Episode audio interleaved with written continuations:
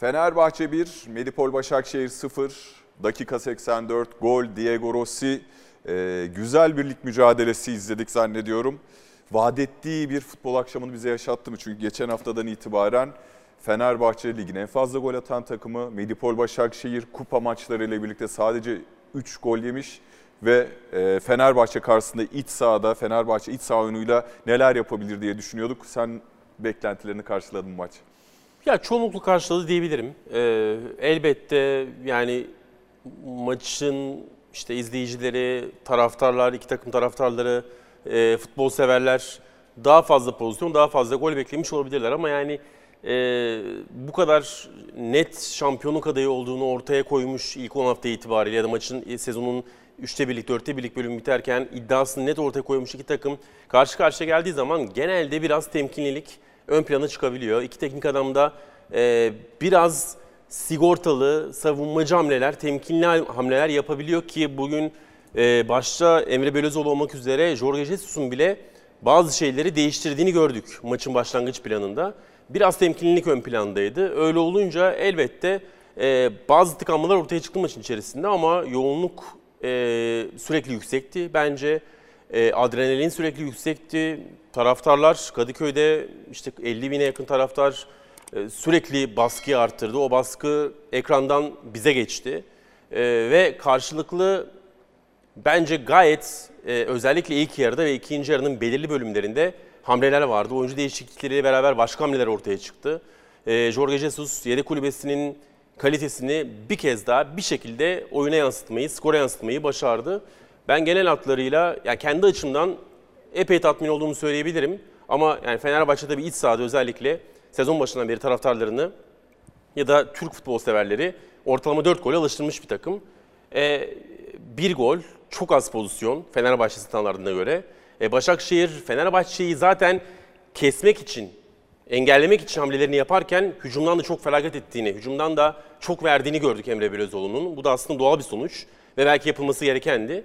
E, hal böyle olunca tabii o beklenen goller ve o seyir zevki ortaya çıkmamış olabilir. Ee, belki biraz daha bu futbolun teknik taktik yönünü daha fazla seven, hani çok gollü maçları çok sevenler vardır. Bir de böyle 0-0 oyunlarını ya da daha dar oyunları daha çok sevenler de olabilir. Bugün herhalde biraz daha taktik savaşı seyrettik değil mi? O hamlelerden başlayalım o zaman. Biraz öyle. Yani Emre Belezoğlu önce ya da burada kim reaktifti, kim proaktifti sence? E, tabii ki daha reaktif olan e, Başakşehir'di ki maçın aslında ilk 20 dakikasında, ilk 15 dakikasında topa daha fazla oynayan Başakşehir'di. Ee, ilk 15 dakika bence çok bozdular Fenerbahçe'yi. Yaptıkları bazı hamlelerle, Emre Belezoğlu'nun maçı yaklaşımıyla. Çünkü ben Emre Belezoğlu'nun gerek topsuz oyunda karşılamada, gerek oyun kurarken e, getirdiği bazı yaklaşımların Fenerbahçe'yi bugün sıkıntıya soktuğunu e, düşünüyorum. E, maçın geneli itibarıyla. Ama Fenerbahçe hem ilk yarıda bir periyot var özellikle 20'den sonra, 20'den sonra ilk yarının sonuna kadar orada bir 15 dakika var. Ve ikinci yarıda yine özellikle 70'ten sonra e, yoğunluğu çok artırarak, baskıyı çok artırarak, tempoyu çok artırarak e, onları bazen o hamleleri boşa çıkarmayı baş, çıkar, e, başardı, tacı çıkarmayı başardı. Ama ilk 15 dakika Başakşehir bence topla beraber oyunu çok iyi kontrol etti. Ama sonrasında çok reaktif bir Emre Belezoğlu takımı gördük e, bugün e, Başakşehir'den. Fenerbahçe'de klasik iç sahada bazı sigortalarla beraber, Jorge Jesus'un bazı yaklaşımlarıyla beraber oyunu kontrol etmeye çalışan ve e, tempoyu sürekli artırmaya çalışan tabii ki takımdı. Şimdi değerli izleyicilerimizden katılım bekliyoruz. Anketimiz de var, maçın oyuncusu anketi. Rossi'nin yanında Miguel Crespo, Lincoln ve e, kimi belirlemiştik dördüncü olarak? Ben biraz önce oy verdim ama şimdi maçın adamı Zalay olabilir mi?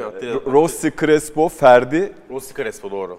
Ferdi ee, ve Lincoln. Sizden de katılım bekliyoruz. Ayrıca lütfen görüş ve e, sorularınızı da bize iletirsiniz. İletirseniz burada Emre Özcan'la birlikte konuşacağız. Evet yani maçta çok şey var çünkü. Muhtemelen izleyicilerimizin de kafasına takılan bazı şeyler olmuş olabilir maçı izlerken. E, genellikle çok güzel paslar geliyor. İzleyicilerimizin evet, sorularını bekliyoruz ediyoruz. kesinlikle. Ee, bu başlangıç kadrolarından konuşmaya başlayalım. Ne düşündü? Hani dedin ya George Jesus bile çünkü George Jesus hani ligin favori takım Fenerbahçe favorilerinden e, Başakşehir ama Fenerbahçe iç sahada oynuyor. e, geniş bir kadrosu var. O bile bir önlem almak zorunda hissetmiş kendini. Ne, nasıl bir farklılık vardı bugünkü Fenerbahçe'de? Sanki biraz daha sezon başındaki takıma daha yakın bir diziliş vardı diye düşünüyorum. Yani o hani ilk geldi 3-1, 4-2 oynayacak diye düşündük.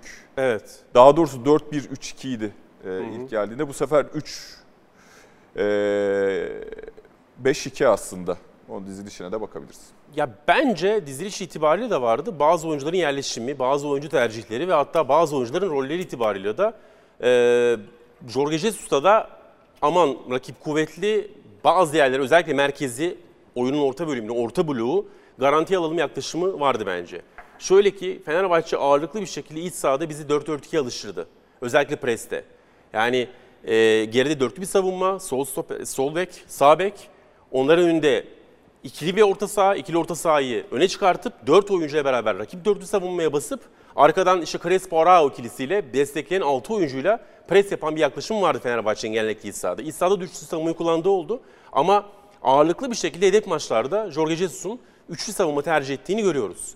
E, bu mesela ekstra bence bir iç saha oyunu için bir temkinlilik. Bunun yanında şimdi 3 tane orijinal stoper kullanmış Jorge Jesus ilk e, 11'de. Merkeze bakalım. E, Arao'nun yokluğunda, işte Arao hala dönemedi ki bugün ikinci yarıda oyuna girdi. Arao'nun ikamesi olarak İsmail'i kullanmış. Çünkü Arao Crespo kiresine alıştırdı bizi son dönemde özellikle evet. ligde.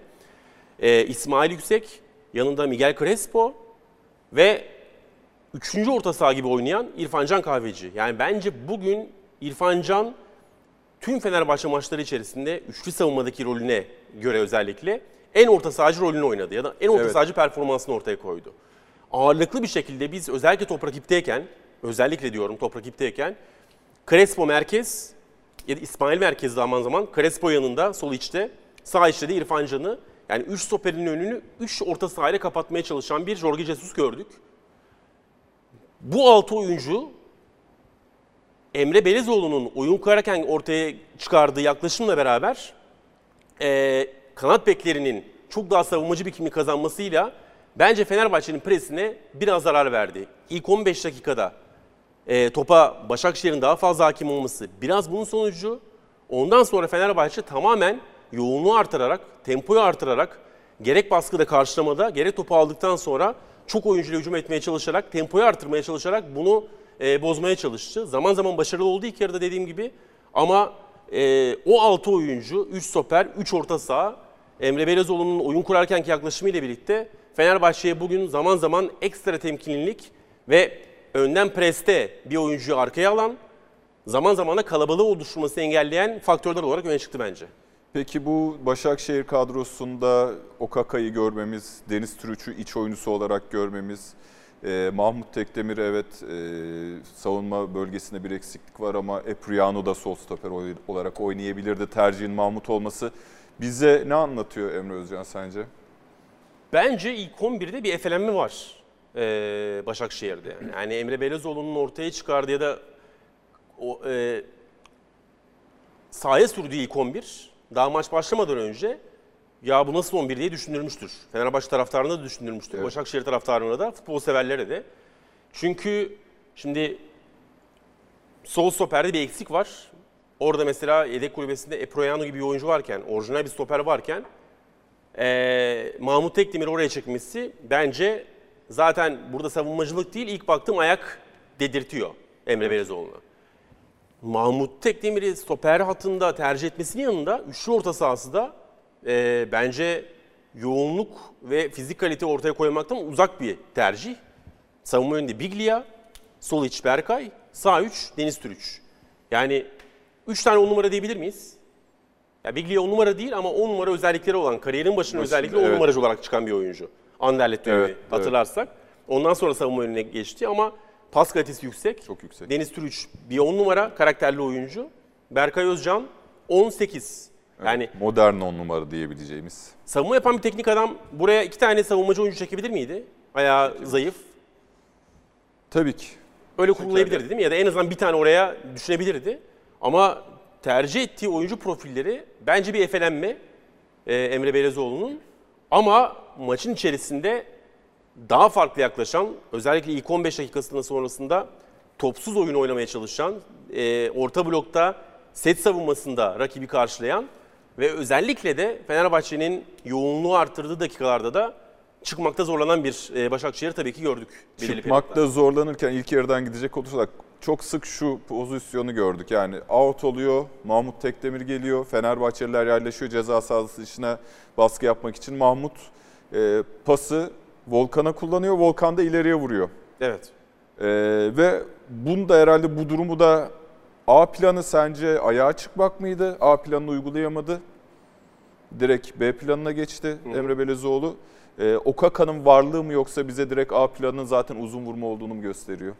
Bence ikisi de vardı hocanın düşüncesi e, olarak. Çünkü eğer sadece uzun vurmak olsaydı, geriden oyun kurmayı tamamen reddetmek olsaydı ne biz Mahmut'u stoperde görürdük ne de böyle bir üçlü orta saha görürdük bence Başakşehir'de. E, oyun kurmaya çalıştılar. Zaman zaman bunu iyi de yaptılar.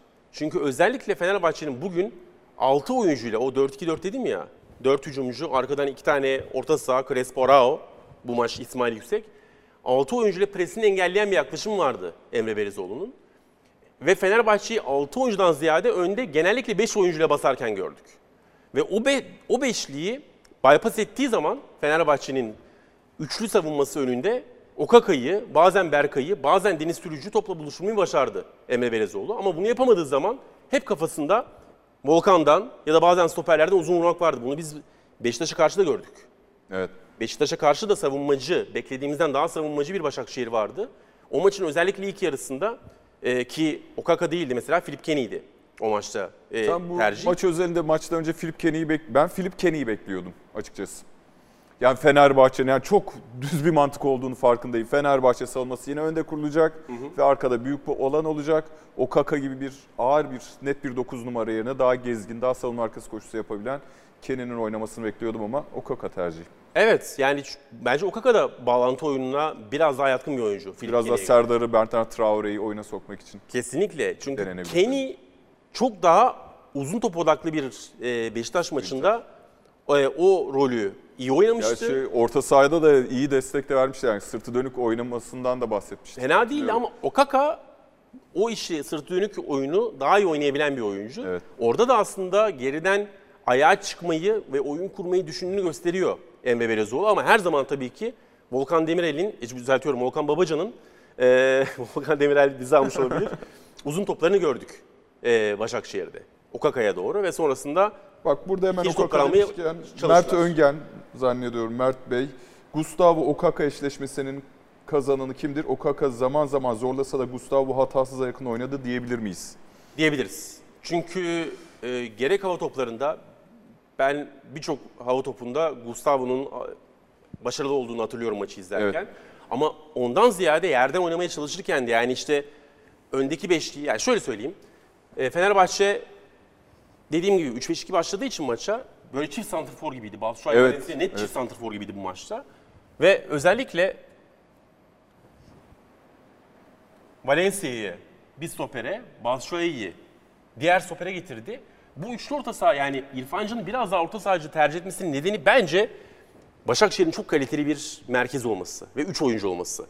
Muhtemelen İrfan Can'ı önde daha net bir şekilde presçi olarak tercih etmemesinin ve merkeze tutmasının nedeni e, burada 3'e karşı 2'ye kalmamak. Yani çünkü Crespo İsmail ikilisi burada olsa mutlaka bir tane boş oyuncuyu bulma ihtimali var. 3'e 2 bir üstünlük sağlama ihtimali vardı e, Başakşehir'in. O yüzden İrfan Can'ı biraz daha preste karşılarken 3. orta saha gibi düşündü. Başakşehir'in sayısal üstünlük kurmasını engelledi burada. Ama iki santrfor stoperlere basarken kenarlar biraz sıkıntı yaşadı. Ya daha doğrusu kenarlarda biraz boşluklar ortaya çıktı. Bunun da bence en büyük nedeni o toplu oyun yaklaşımında ve oyun kurmada Emre Belezoğlu'nun yaptığı en mantıklı hamlelerden biri buydu. Emre Hoca Serdar Güller'i sol kenarda çizgiye çaktı oyunu kurarken ya da şöyle söyleyelim. Oyunu genişletmek için. Traore'yi de Sağ sağ çizgiye çaktı. Böyle olunca şimdi 3 Okaka var burada. Birebir kalmak istasyon, istemiyorsunuz. Evet. Ve kanat beklerinin geride kalmasına neden oldu bu. Kanat bekleri geride kalınca, şimdi burada fazla boşluk bıraktık biz ama yaklaşımı göstermeye çalışıyorum ben. 5 oyuncu kaldı Fenerbahçe'de burada. Ve hem kenarlarda beklerden ve Ömer Ali'den özellikle çıkış imkanı elde etti Başakşehir. Hem de oraya yaklaşım olduğu zaman yani kenarlara top açıldığı zaman Crespo baskıya çıktı ya da İrfancan baskıya çıktı. Merkezde boşluklar elde etti ve oyun kurarken de yani bu geçişleri bekten Berkay'a doğru, Biglia'ya doğru, Soper'den Berkay'a doğru burada topu alıp hemen öne oynayıp bu öndeki beşliği bypass etme şansını zaman zaman Başakşehir'in elde ettiğini gördük. Burada ısrarlı bir şekilde oyun kurarken Serdar Güller'in ve Traore'nin çizgiye çakılı olması, neredeyse çizgiye basmaları Lincoln ve Ferdi'yi çok fazla manipüle etti. Ki bence Traore'nin buradaki yani ilk yarıdaki etki yarattığı dönemde de e, sağ öndeki varlığı Başakşehir'in en büyük güçlerinden biri oldu ve Fenerbahçe'nin de aslında oyun planına göre en büyük tehdidi ortaya çıkardı. Çünkü Fenerbahçe'de oyunu kurarken biliyorsun yani Lincoln'u sol kanat bekinde sol çizgide bir oyun kurucu olarak kullanıyor Jorge Jesus. Bugün de onu yaptı. Evet. 70-75 gibi maçın pas istatistiklerine baktığımda e, yanlış hatırlamıyorsam Attila Zalai'den sonra Lincoln en çok pas yapan oyuncuydu Fenerbahçe'de ve muhtemelen de ikinci sırada bitirdi. Yani net bir şekilde oyunu orada kurmaya çalışıyor ama Lincoln'den oyunu kurmaya çalışırken Lincoln'u çıkarmaya çalışıyor ve Lincoln çıktığı zaman toplu oyunda arkasında boşluklar bıraktı ve topu kazandığı zaman Başakşehir Zalai'la Bertrand Traore'yi birebir bıraktığı bazı pozisyonlar elde etti. Elde etti ve çok ciddi pozisyonda yakaladı ilk Kesinlikle. yarıda. Yani oyunu burada kırması Traore'ye birebir şans verdi Fenerbahçe'nin. Ama aynı zamanda Traore'nin burada olması Lincoln'u manipüle ettiği zaman eee, kenarlardan daha net çıkış yapma şansını ortaya çıkarırken Fenerbahçe'nin bir oyuncu öne gittiği zaman yani bu beşli presi soldan Lincoln ile desteklemeye çalıştığı zaman yine Traore boş kaldı. Ferdi bunu yapsa Serdar boş kalacaktı. Yani bu oyuncuların çizgide olması bence e, Emre Hoca'nın bu maçta oyun kurarken Taktiksel başarısı. yaptığı en mantıklı hamleydi ve bunu özellikle ilk yarıda, ikinci yarıda da özellikle Serdar oyundan çıkana kadar e, Başakşehir kendi gücü olarak yansıtmayı başardı bence maçta. Şimdi bir sorumuz varmış. Fenerbahçe'nin forvet ikilisiyle alakalı. Mişi Batshuayi ve Ener Valencia o soruyu okuyalım. Rica edeyim Kerem'den. Furkan Doğramacı. Maçın büyük bölümünde Batshuayi ve Valencia'nın derine gelip top almak zorunda kaldığını gördük. Başakşehir bunu sağlamayı nasıl başardı? Güzel teknik bir soru. Ee, yani Başakşehir'in başarısı değil bu. Çünkü yani o santrforların en azından birinin zaten derine inip top alması gerekiyor. Valencia'nın bunu yaptığı maçlar gördük. Hatta Joshua King ile oynadığı ilk hafta maçlarında bile bunu çok sık yaptığını ve zaman zaman da başarılı bir şekilde yaptığını gördük. Joao Pedro ilk 11'de oynadığı zaman Joao Pedro'yu da bağlantıda çok fazla kullandı Jorge Jesus. Ama bugün nasıl topla çok fazla buluşamadılar e, sorusunun yanıtı elbette Başakşehir'in çok iyi takım savunması. Çünkü e, yanlış görmediysem maçtan sonra 0.53 e, gol beklentisi Yani Fenerbahçe'nin. Evet. 90 dakikalık gol beklentisi 0.53. Bu çok ciddi bir başarı çünkü Fenerbahçe'nin bu sezonki en düşük değeri bu. Evet. E, Konya Spor maçında Fenerbahçe 1-0 kaybederken o maçta 0.58'di diye hatırlıyorum. Maçtan önce bakmıştım. O maçın bile aşağısında tutmayı başardı e, bugün Başakşehir savunma başarısıyla Fenerbahçe'yi. Ama buna rağmen kaybettiler. O maçı da Fenerbahçe kaybetmişti. E, topu çok fazla götüremedikleri için ve iki oyuncu da daha önce burada konuştuk bağlantı oyununda e, pivot santrforlukta sırt dönük oyunda Fenerbahçe'nin hemen hemen en zayıf isimleri olduğu için e, bugün Batshuayi ile Valencia'yı tercih etmesinin e, zaman zaman takıma yükler getirdiği konusunda ben de enfikirim. Mustafa Aygün diyor ki eğer soruyu kaybetmezsem Fenerbahçe bu maçta %50 to- 57 topla oynadı. Jesus rakiplere bu oyun benim istediğim gibi oynanır raconu kesiyor diyebilir miyiz? Sen toplu oynama oranının bugünkü maçı anlattığına inanıyor musun? Ben inanmıyorum çünkü.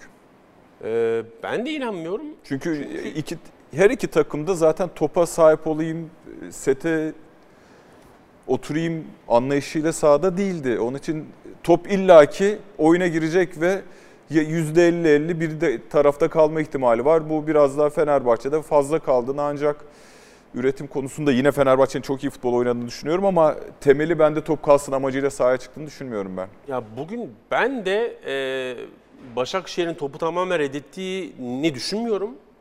Ama net bir karşılama takımıydı ve oyun kurma dışında geriden e, ayağa pasta çıkmak e, dışında top rakibe geçtiği zaman hiç pres yapmadılar neredeyse ve hep toplanıp takım savunması yaparak Fenerbahçe'nin üçlü savunma tercihini aslında yine biraz boşa çıkarmaya çalıştılar. Hem Serdar Gürler hem Traore Attila Zala'yla Lincoln'ün ve Serdar'la Ferdi'nin arasına girerek kanat beklerin oynamasını engelledi Fenerbahçe'nin ve önde Okaka tek başına 3 e, stoper, 2 stoperi sürekli serbest bıraktı bugün Başakşehir. Ve topun bu Fenerbahçe'de daha fazla kalmasını sağlayan şeylerden biriydi ama zaten Fenerbahçe'nin iç saha oyunlarında %55'leri, %56'ları, %50'leri e, elde etmesi çok anormal değil. Değil. E, bunu özel bir başarı olarak değerlendirmek çok doğru olmayabilir bu maçta. Şimdi şöyle bir not almıştım. Oyuncu değişiklikleri neden geç yapıldı diye. Çünkü 74. dakikaya kadar bekledi e, Jorge Jesus. Elinde son derece etkili yedekleri olmasına. Bir sorumuz da var hatta bununla ilgili. Atahan Erer. Jorge Jesus'un yaptığı değişiklik daha önce yapılsaydı aynı etkiyi gösterir miydi yoksa doğru bir zamanda mı yapıldı? Ben bu soruyu da şöyle kurgulamıştım kafamda. Aykut Kocaman'ın kulakları çınlasın. Hani şu rakibi bükme konusu var ya o da çok böyle dakikalarla planlardı maçı. Hı hı. Ee, bir e, özellikle mi 75'i bekledi rakip yorulsun ya da oyun kendilerine doğru olgunlaşsın diye. 3 oyuncu değişikliği birden Batshuayi, İrfancan, Valencia yani İrfancan biraz da Arto sağ karakterli ama forvete yakın tabii ki ve öndeki iki forvetini oyundan çıkartıp Rossi, Emre Beur ve Joao Pedro'yu aldı oyuna ve sonuç verdi. 74'te geldi değil mi değişiklikler? 74 evet. Bence orada en büyük faktör e, Fenerbahçe'nin ikinci yarıda ilk 20-25 dakikayı çok iyi oynayamaması. Ve orada bir şeyleri değiştirmek gerektiğini düşündü bence. Yani bir yoğunluk problemi, bir fizik kalite problemi yoktu Fenerbahçe'de. Zaten bunun olması için sebep de yoktu. Ee, ama şunu söyleyebilirim. 45-70 arası Fenerbahçe'nin ikinci yarıda şutu yok. Yani Başakşehir kaleyi göstermedi Fenerbahçe evet. ikinci yarıda. Ee, ilk yarıda da evet çok net pozisyonlar bulamadı belki Fenerbahçe ama çok daha kale önünde tehlike yaratmaya Bak, yakın zamanları var. vardı, pozisyonları vardı. Duran toplar olsun, akın oyun olsun. 45-70 arası neredeyse kalesini göstermedi Başakşehir. Bence 70 civarı takımın yavaş yavaş temposunun da düşeceğini düşünerek son 15 dakikada hem o 45-70 arasından memnun olmadığını bence ortaya koydu o üç değişiklikle. Hem de enerji çok doğal bir şekilde. Çünkü tempo yapmaya çalıştı sürekli Fenerbahçe. Eforu, enerjiyi yine ortaya koymaya çalıştı. Bugün çok işlememiş olabilir ama o enerji ortadaydı. Efor ortadaydı ve onu maçı izleyen herkes tribünlerde de muhtemelen ekran başında da hissetmiştir. O enerjinin yüksekliği son 15 dakikada elbette zaten bir enerji yenilemesini ya da enerji değişikliğini iste, istiyor sahada. 3 oyuncu değişikliğiyle beraber o hamleleri yaptı ki iki so, e, santrfor oyundan çekmesi sanki Batshuayi Valencia ikilisinden de çok çok memnun olmadığını yine gösteriyor gibi hocanın. Çünkü yanlış hatırlamıyorsam Ankara Gücü deplasmanını da bu iki oyuncu beraber kullanmıştı ilk 11'de. 60-65 gibi iki oyuncu yine beraber oyundan çıkarmıştı. Yedek kulübesinin hocaya verdiği avantaj bu. Farklı profiller var orada. Yani Batshuayi Valencia'yı çekip sahaya e, Diego Rossi ve Joao Pedro'yu atmak öndeki ikiliyi tamamen başka bir e, profile getiriyor. Hatta Emre Mor'u da İrfan Can'ın yerine sokup tamamen farklı bir profile çok o da farklı iyi profil. işledi. Kesinlikle. Yani çünkü savunmada son derece iyi duran Başakşehir'in dengesi, dengesi çok bozdu bozuldu. driplingleriyle Emre Mor.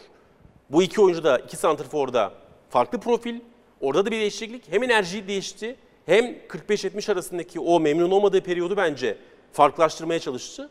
Hem de farklı profillerle daha farklı bir efor ortaya çıkarmaya çalıştı ki bence zaten değişikliklerden sonra yavaş yavaş son 15 dakikada sürekli yoğunluğu artıran yoğunluğu yukarı çıkartan bir Fenerbahçe gördük.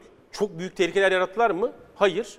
Ama bazen ee, bunu yapamazsınız. Ama o yoğunluğun artması işte mesela golde Volkan, Volkan hatasıydı değil Volkan mi? hatası. Volkan hatasıyla beraber rakibin bireysel hatasına neden olabiliyor. Evet. Ee, Emre Mor'la ilgili bir soru olduğunu söylemişti yönetmenim Kerem bana. Emre Mor'u almışken o soruyu da ekrana getirelim izleyicimizin sorusu.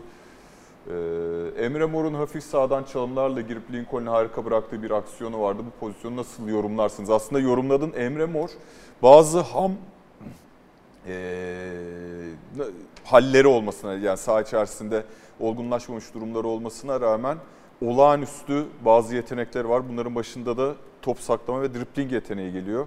Bu yeteneği kullandığı zaman da belki doğru zamanda kaleye topu gönderemese de defalarca deneyerek 3 4 5 de, defada birisinde başarılı olduğu zaman işte Lincoln'e bıraktığı pas gibi bir aksiyon yaratabiliyor ve e, maçın seyrinin değişmesine de neden olabiliyor. E, Emre Mor bunun üzerine koyar mı sence? Yani çünkü bundan 5 sene önce 2010 5 senede değil artık 2016 Avrupa Şampiyonası'nda Emre'yi biz o dönemler tanıdık işte Danimarka'da yetişmiş bir Türk genci olarak. Ardından milli takımımıza ok gibi sıçradı. Çok büyük bir gelecek vaat ettiğini düşünüyorduk ki nitekim Borussia Dortmund ardından Galatasaray, Olympiakos farklı takımlarda da oynadı. Celta Vigo e, ancak Emre Mor beklentileri henüz karşılayabilmiş değil ama e, Fenerbahçe'de geçmiş döneme nispeten Karagümrük macerasından sonra daha iyi bir Emre Mor görüyoruz. Bunun üzerine koyabilir mi sence? Yani koyabilir tabii, Tabii ki ama yani Tabii sen o gelişimi görüyor musun?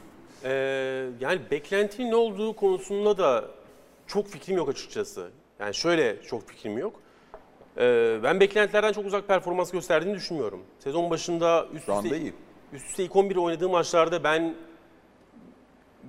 epey iyi bulmuştum Emre Mor'u. Ondan sonra hoca bir anda kesti. Bir aylık süreçte çok az oynattı Emre Mor'u. Sonra kullanmaya başladı tekrar. O ritmi bozulduktan sonra oyuncu bazı maçlarda performans veremedi. İlk 11 başladığı maçlarda özellikle. Ama işte Emre Mor çok iyi bir e, denge bozucu. Çünkü yani onun önerebildiğini Başka öner- yapabilecek. yapabilecek çok az oyuncu var Fenerbahçe'de. Ve yani İrfan Türkiye Ligi'nde zaten o kadar. Aynen öyle. Top ayağını yapıştırarak bu kadar Dribbling yapabilen dikine gidip bütün defansın dengesini bozmak. Ya bugün Başakşehir'in e, dengesini bozan, savunmanın dengesini bozan etkenlerden biriydi maçın son bölümünde. Yani Ali Ala mıydı? Değildi ama birkaç pozisyonda etki yaratmayı Ama başardı. Lincoln o plaseyi yapabilmiş olsa Emre Mor'u belki de şimdi maçın adamı Rossi gol attığı için maçın adamları arasına koyduk. Bu arada anketimiz devam ediyor. 1366 oy kullanılmış. Şöyle diyeyim hani 1500'e geldiği zaman anket sonuçlarını da açıklayayım buradan. Ee, Jorge Jesus'un söyledikleri var maç sonunda. Neler dedi deneyimli teknik adam. Takım bugün çok savaştı. Sadece savaşmadı, çok da iyi oynadı. Sadece Süper Lig seviyesinde değil, iki takıma adına da Avrupa'nın en üst liglerindeki futbol kalitesi vardı. Ki Muhammed Ali Can'dan da bununla ilgili bir soru sormuş sağ olsun. Onu e, biraz sonra soracaktım ama Jorge Jesus da bu bağlamda bir şey söylüyor. Maçın her anında golün geleceğini biliyorduk. Her seviyede istatistiklerde rakibimizden üstündük. Sahada daha iyi olan bizdik. Bize son anda galibiyete getiren şey Altay'ın kurtarışıydı. O büyük bir kaleci, Türkiye'nin en iyi kalecilerinden biri. Taraftar ona sevgi göstermeli. Evet, bugün Fenerbahçe'nin 3 puandan bahsediyoruz ama Perşembe günü grubun en iyi takımı Ren'e karşı oynayacağız. Hedefimize ulaştık ama grubu lider bitirmek önemli diyor Jorge Jesus. Mayıs sonuna kadar kontratım var. Bu konu hakkında konuşmak istemiyorum. Bu tabii kontrat konusu soru üzerine söylenmiş. Şimdi Türkiye'de genelde böyle oluyor. Kötü giderken her yerde olduğu gibi bunu şey yapmak için, eleştirmek için söylemiyorum. Kötü giderken sorulur. İyi giderken de eğer bir teknik adamın sezon sonuna kadar sözleşmesi varsa e, dönelim. E, sözleşmenizi uzatacak mısınız diye sorulur. Bir Altay'ın açıklamaları da varmış kaleci Altay'ın. Çünkü maçın sonunda Fenerbahçe kaz- bu haftayı bu akşam kapatıp yarından itibaren önümüzdeki maça odaklanıp çalışmaya devam edeceğiz. Teşekkür ederim. Altay geçen hafta Ankara gücü mücadelesi, bu hafta da bu mücadelede oldukça kritik bir kurtarış yaptın. Bu kurtarışların son haftalardaki eleştiren performansını özgüven olarak nasıl yansıdı? Hiçbir şekilde bana olumlu veya olumsuz bir yansıması olmadı. Hepimiz profesyonel oyuncularız. İşimiz çalışıp e, gözümüzü sadece bir yere odaklayıp kulaklarımızı tıkayıp işimizi yapmak. Bazen işler istediğiniz gibi gitmiyor. E, Ben geçen hafta Ankara gücü maçından sonra da söylediğim gibi Avrupa Ligi maçındakini zaten penaltı olarak ben düşünmüyorum. Çünkü topa değmiştik. Ondan önceki maçta da e, pozisyon yaşadım ama dediğim gibi bazı şeyler geride kalıyor. Olabiliyor. Futbolda böyle şeyler olabilir, yaşanabilir yani. Pas hatası yapabilir oyuncu, takım arkadaşı. Her zaman destek olmak lazım başarılı olmak için. Zaten bir oyuncu pas hatası yaptığı zaman morali bozuluyor. Ona- bir de yüklenmek onu daha çok moralini bozuyor. Eğer güçlü bir mentalitesi ya da psikolojisi yoksa. O yüzden biz içeride de konuşuyoruz. İyi bir aile ortamımız var. İyi bir takım olduk. İnşallah bu şekilde de kazanmaya, 3 puan almaya devam ederiz. Çok merak edilen bir konu var.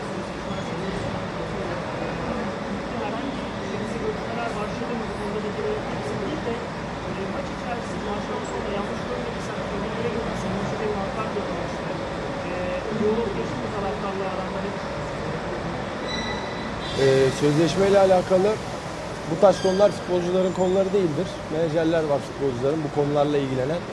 Ee, onlar görüşüyorlardı. Şu an kritik bir dönemdeyiz. Kritik her hafta maç oynuyoruz. Yoğun bir programdayız. Sadece işimize odaklı bir vaziyetteyiz. İlerleyen günlerde neler olur hep beraber göreceğiz. Ee, pankartla alakalı güzel pankart açılmıştı. Sağ olsunlar destek amaçlı. Ee, ben de ısınmada çok istek vardı. Maçtan sonra gittim. Teşekkürlerimi sundum. Yani pozitif anlamda destek gördüğümüz zaman bizler de saha içinde pozitif anlamda mücadele veriyoruz. Ama dediğim gibi yarın öbür gün farklı bir- şeyler de yaşayabiliriz olumsuz anlamda. Bizim görevimiz kulağımızı tıkayıp önümüze bakıp çalışmaya devam etmek. Altay Bayındır aslında takdir edilmesi gereken bir özelliği kazansa da kaybetse de sadece oyuna konsantre olması gerektiğini, takımı da bunu yapması gerektiğini. Yani ilginç bir şekilde fazla tartışılıyor aslında. Yani e, Fenerbahçe açısından değerli bir oyuncu. E, geçtiğimiz haftalarda Karagümrük maçında yediği golden sonra tribünlerden tepki aldı.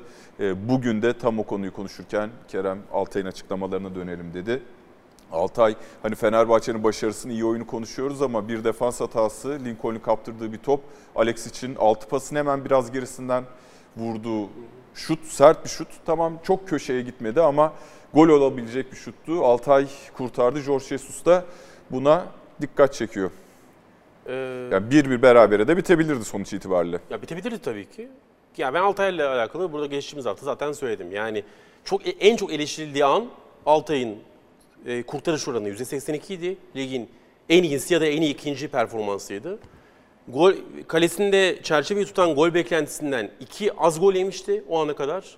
İstatistikler tamamen yanındaydı. İşte yaptı ama belirgin yani ya da büyük hataların sayısının, frekansının fazla olması biraz e, oyuncuyu sıkıntıya soktu diyelim.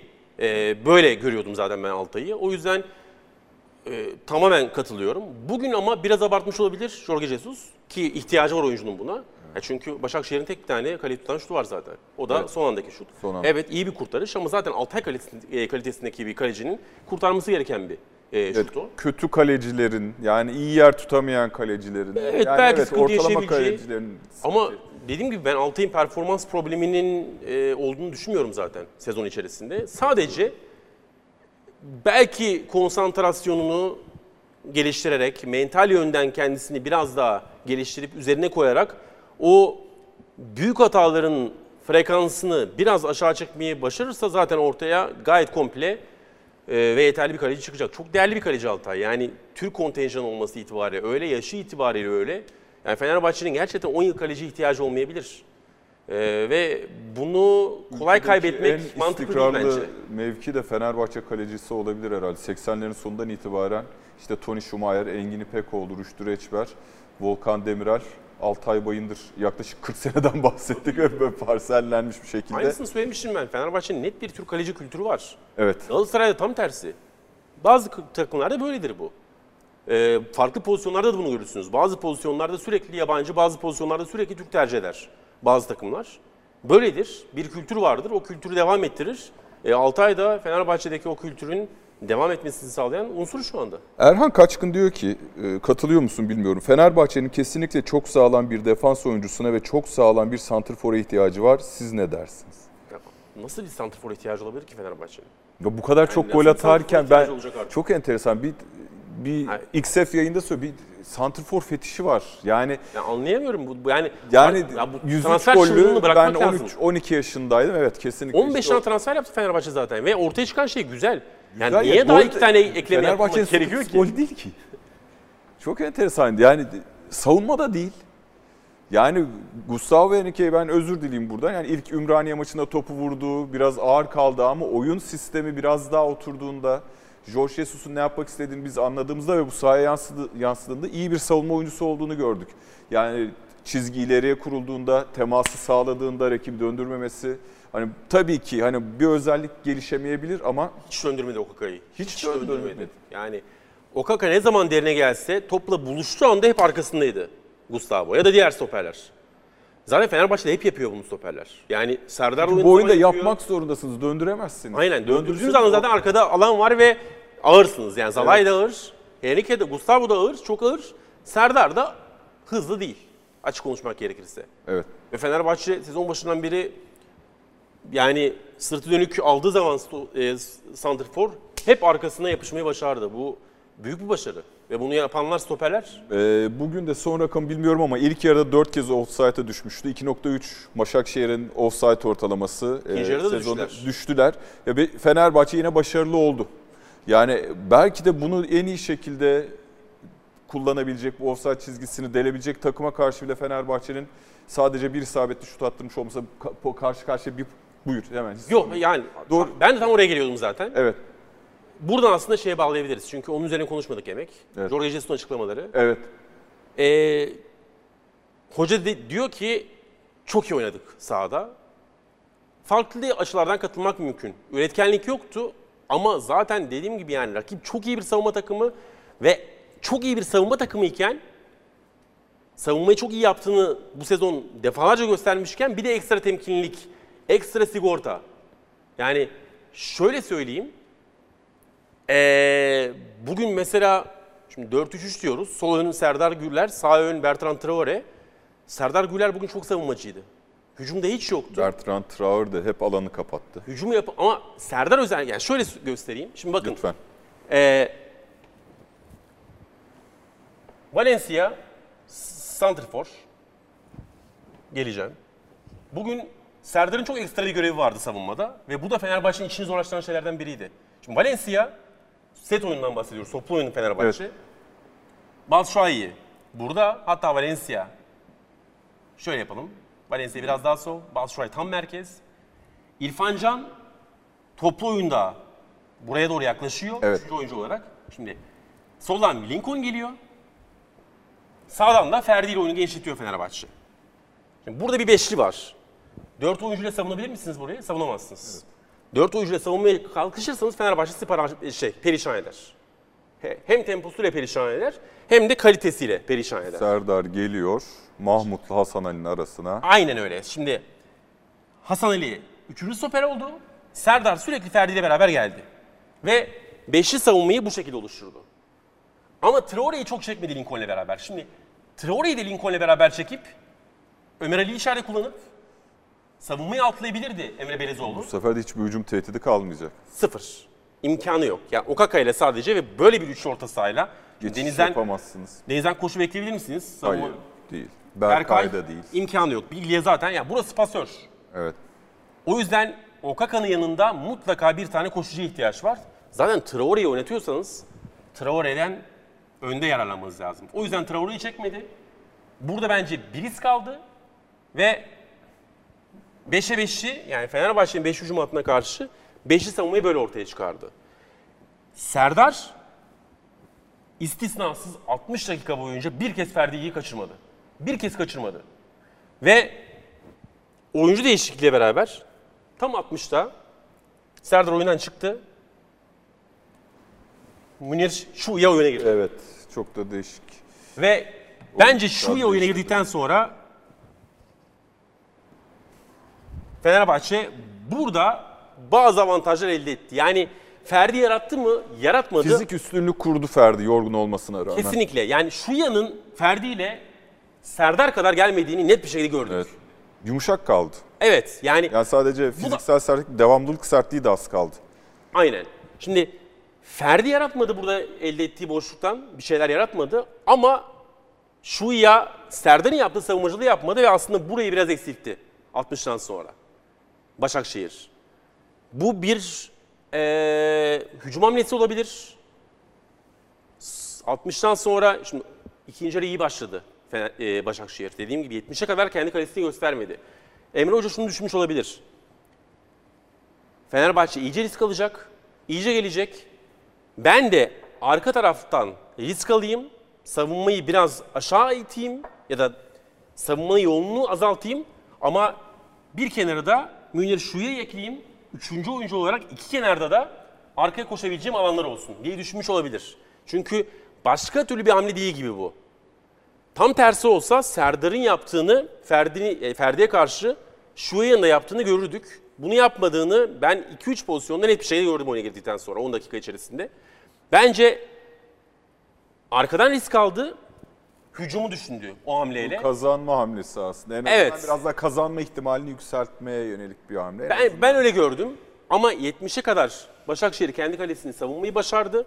Ama 70'ten sonra hem oyuncu değişiklikleri hem enerji eforu ortaya artırması hem zaten maçı kazanmak için yoğunluğu iyice yukarı çıkarmaya çal- çalışma çabasıyla birlikte Fenerbahçe'nin sanki bu değişiklik Başakşehir savunmasına çok yardım etmedi. O yüzden çok iyi oynadığı kısmına bir yönden de katılıyorum. Yani üretim bugün çok yeterli değildi ama hem Başakşehir'i ekstra savunmacı gösterdi bugün. En iyi savunma takımlarından. Yani aynen Serdar'ı bu kadar savunmacı göstermesi bir başarı. Hem de eee, ilk yarıda Traore dışında, Traore'nin 2-3 pozisyon dışında hiçbir hücum tehdidi, hiçbir kontra tehdidi üretemeyen bir Başakşehir ortaya çıkartan da Fenerbahçe. Son 15 dakikada yedek kulübesinin avantajıyla beraber aslında Jorge Jesus söylediklerinde biraz da haklı. Haklı. Ee, Emre Belezoğlu'nun söyledikleriyle yavaş yavaş toparlayalım programı. Oyundan memnun olduğum, memnun olmadığım anlar da var. İkinci yarıda iki takım da hamlelerini yaptı. Fenerbahçe karşılığını aldı, biz alamadık. Lig daha çok uzun, oyun anlamında gelişebileceğimiz bir dönem var. Çok işimiz olacak dedi Sayın Belezoğlu. Buradan bir değerlendirme ister misin? Yani zaten biz de benzer konuştuk. Yani evet çok iyi yaptığı şeyler vardı ve fe- yani bugün ben Başakşehir'in 90 dakikanın 60 65'inde çok iyi savunma yaptığını düşünüyorum. Beşiktaş maçıyla paralel Ama- kurabilir misin? Beşiktaş Medipol Başakşehir maçıyla. Sonra da ikinci yarıda bir, e, Başakşehir atmıştı ama orada ya Fenerbahçe'nin avantajı yine Beşiktaş'ta pres takımı olmasına karşı Fenerbahçe'nin işte yedek kulübesinde çok daha fazla alternatif varken 70'ten sonra olayı çözebilme kapasitesi daha fazla. Ona yenildi belki de Medipol Başakşehir Beşiktaş maçından farklı olarak. Kurabiliriz. Bence ilk yarıları çok benzer oynadılar ama enteresan şekilde yani benim düşüncem bu maçı ikinci defa izlersem belki farklı bir düşüncem ortaya çıkabilir ama bu maçta gördüğüm Beşiktaş maçıyla beraber sanki özellikle ilk yarılarda Beşiktaş maçında bu maça göre daha fazla uzun oynadı. Ee, Başakşehir. Bugün biraz daha geriden oyun kurmaya çalışan bir takım gördüm ben ilk yarım saatte özellikle. Bunda da faktör Beşiktaş'ın presinin programın başında anlattığım gibi Fenerbahçe'ye göre önde bir adam daha fazla olmasıyla beraber e, işini zorlaştırması olabilir Başakşehir'in. Kanat beklerini çizgiye çakarak Serdar Güler ve Traore aracılığıyla Fenerbahçe'yi önde eksilterek geriden oyun kurma işini sanki bu maçta Fenerbahçe bu işin çok daha uzmanı gibi görünmesine rağmen ilk 10 haftada biraz kolaylaştırmış gibi geldi bana e, Emre Belezoğlu. Evet yavaş yavaş topluyorum. 1700 oyun kullanıldı. Anketimizde de maçın oyuncusu %51 ile Miguel Crespo seçildi. Bence mükemmeldi. Diego Rossi %35, Ferdi Kadıoğlu %9, Lincoln Henrique ise %2 oy civarında aldı. Çok teşekkürler Emre. Ben teşekkür ederim. Var mı ekleyeceğim şey Ya, bir şey? Crespo'ya dair yani Son yıllarda Fenerbahçe'nin çektiği en büyük piyango olabilir herhalde. e, Yani Kim Min-jae de gerçi o da piyangoydu. Büyük para kazandırdı. Crespo'da Portekiz 2. liginden gelip bu kadar etkili bir futbol ortaya koyması yani enerji, efor zaten o konuda hiçbir şey söyleyemeyiz ama bir de ikinci toplardaki başarısı mesela bugün Fenerbahçe'nin eee, çok iyi oynamasında en büyük faktörlerden biri ikinci topları sürekli toplamaları oldu. Burada tabii ki şuradaki yoğunluğun düşük olması Başakşehir'de yani Deniz, Berkay, Bigli olması eee, bu bölgede ikinci topları çok kolay kazanmasını ya da elde etmesini sağlamış olabilir. Crespo çok fazla ikinci top aldı. İsmail çok fazla aldı. Kenarlar Lincoln özellikle Lincoln içeri yaklaşıp çok fazla ikinci top kazandığını gördüm ben. İrfan Can benzer şekilde yani merkezdeki o ikinci topları toplaması da Fenerbahçe'nin en büyük artılarından biri oldu. Onun da lideri kesinlikle Crespo'ydu. 22'li mücadelenin 14'ünü kazanmış. Toplamda da 12.6 kilometre koşmuş Miguel Crespo. İlk yarıda bütün ikili mücadeleleri kazanmıştı. Miguel Crespo gerçekten çok dikkat çekici bir performans. Çok teşekkürler Emre. Ben teşekkür ederim. Çok teşekkürler izlediğiniz için. Görüşmek üzere. Hoşçakalın.